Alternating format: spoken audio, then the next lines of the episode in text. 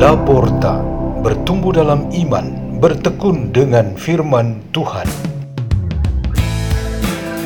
Radio Laporta, pintu terbuka bagimu untuk pertumbuhan pengetahuan dan kebijaksanaan tentang Allah.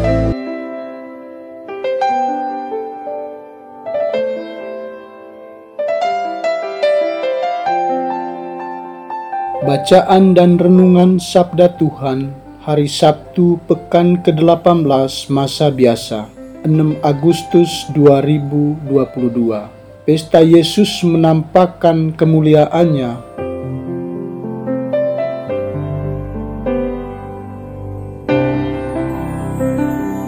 Dibawakan oleh Bapak Ricardus dan Ibu Yosefina dari Paroki Roh Kudus Labuan Bajo, Keuskupan Ruteng, Indonesia.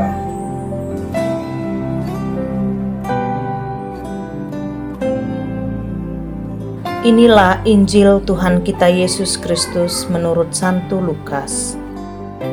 Sekali peristiwa, Yesus membawa Petrus, Yohanes, dan Yakobus lalu naik ke atas gunung untuk berdoa.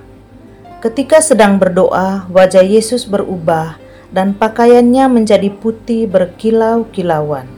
Dan tampaklah dua orang berbicara dengan dia, yaitu Musa dan Elia. Keduanya menampakkan diri dalam kemuliaan dan berbicara tentang tujuan kepergian Yesus dan akan digenapinya di Yerusalem. Sementara itu, Petrus dan teman-temannya telah tertidur, dan ketika terbangun, mereka melihat Yesus dalam kemuliaannya juga kedua orang yang berdiri di dekat Yesus itu. Dan ketika kedua orang itu hendak meninggalkan Yesus, Petrus berkata kepada Yesus, "Guru, betapa bahagianya kami berada di tempat ini. Baiklah, kami dirikan sekarang tiga kemah: satu untuk Engkau, satu untuk Musa, dan satu untuk Elia."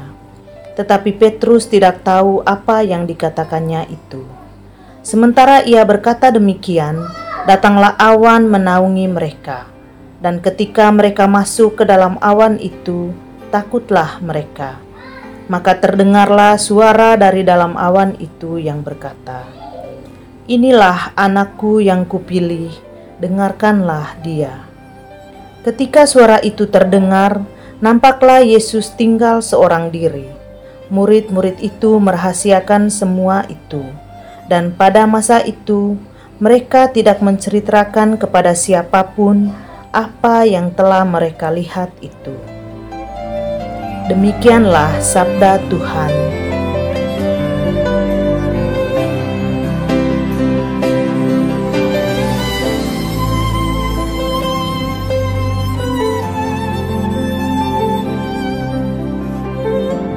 Renungan kita pada hari ini bertema mata dan telinga yang berjaga. Seorang pemuda untuk kali ketiganya berpacaran, dan ia berpikir kalau kali ini mesti memberikan hasil positif. Dua kali sebelumnya selalu berakhir dengan kesedihan lantaran ada banyak ketidaksesuaian.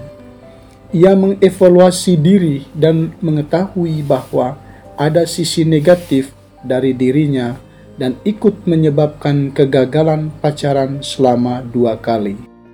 Lalu ia bicarakan itu dengan kedua orang tuanya. Nasihat kedua orang tuanya begini: keputusan hati kita untuk berkata dan bertindak sangat bergantung pada kemampuan melihat dan mendengar. Mata dan telinga kita harus senantiasa aktif untuk mendapatkan kenyataan tentang orang lain yang kita kasihi. Ketika melihat bahwa orang di sampingmu sedang sibuk dengan berbagai pekerjaan, atau ketika telinga mendengar kalau orang tersebut suaranya sudah tidak berdaya, keputusan hatimu akan menentukan tindakan untuk memperhatikan dia. Pemuda itu mengamini nasihat itu dan bertekad untuk membuat kesempatan pacaran yang ketiga kalinya itu berbuah baik dan bisa meningkat menjadi hubungan ke jenjang perkawinan. Pada hari pesta Yesus menampakkan kemuliaannya ini, sabda Tuhan mengajarkan kita untuk mengalami kemuliaan dan kebesaran Tuhan melalui mata kita yang melihat dan telinga kita yang mendengar. Ketika bacaan menggambarkan penglihatan dan pendengaran fisik yang dialami oleh Nabi Daniel, Rasul Petrus, dan kedua rekannya, mereka melihat penampakan Tuhan dan mendengar suara yang datang langsung dari Tuhan. Suatu pengalaman iman yang secara langsung seperti ini sangat didambahkan oleh banyak dari kita. Kita bagaikan terangkat setinggi gunung Tabor, tempat para rasul menyaksikan penampakan kemuliaan Tuhan. Saat ini, hampir semua pengalaman iman kita ialah kejadian-kejadian tidak langsung, namun dipertandai secara langsung. Yesus bersabda dan menampakkan kemuliaannya melalui diri Bapa Suci atau seorang imam atau seorang saudara yang berbuat baik dan mengasihi kita. Yesus hadir secara pribadi, langsung, tetapi diperlambangkan oleh roti Ekaristi yang selalu kita sembah dan santap. Yesus juga berdiri di mimbar dan bersabda secara langsung, tetapi ditandai oleh seorang pewarta. Pengalaman-pengalaman seperti ini sangat bernilai tinggi dan membantu pertumbuhan iman kita. Mata dan telinga kita sangat berperan untuk pertumbuhan iman ini. Yang menjadi masalah ialah jika kita tidak mendengar dan melihat dengan suatu perhatian yang baik, kita bakal kehilangan pengalaman akan kemuliaan Tuhan yang hadir di dalam diri sesama alam lingkungan, dan peristiwa hidup kita. Marilah kita berdoa dalam nama Bapa dan Putra dan Roh Kudus. Amin. Ya Yesus yang baik, semoga kami selalu ingin melihat dan mendengarkan di Kau dalam setiap situasi hidup kami.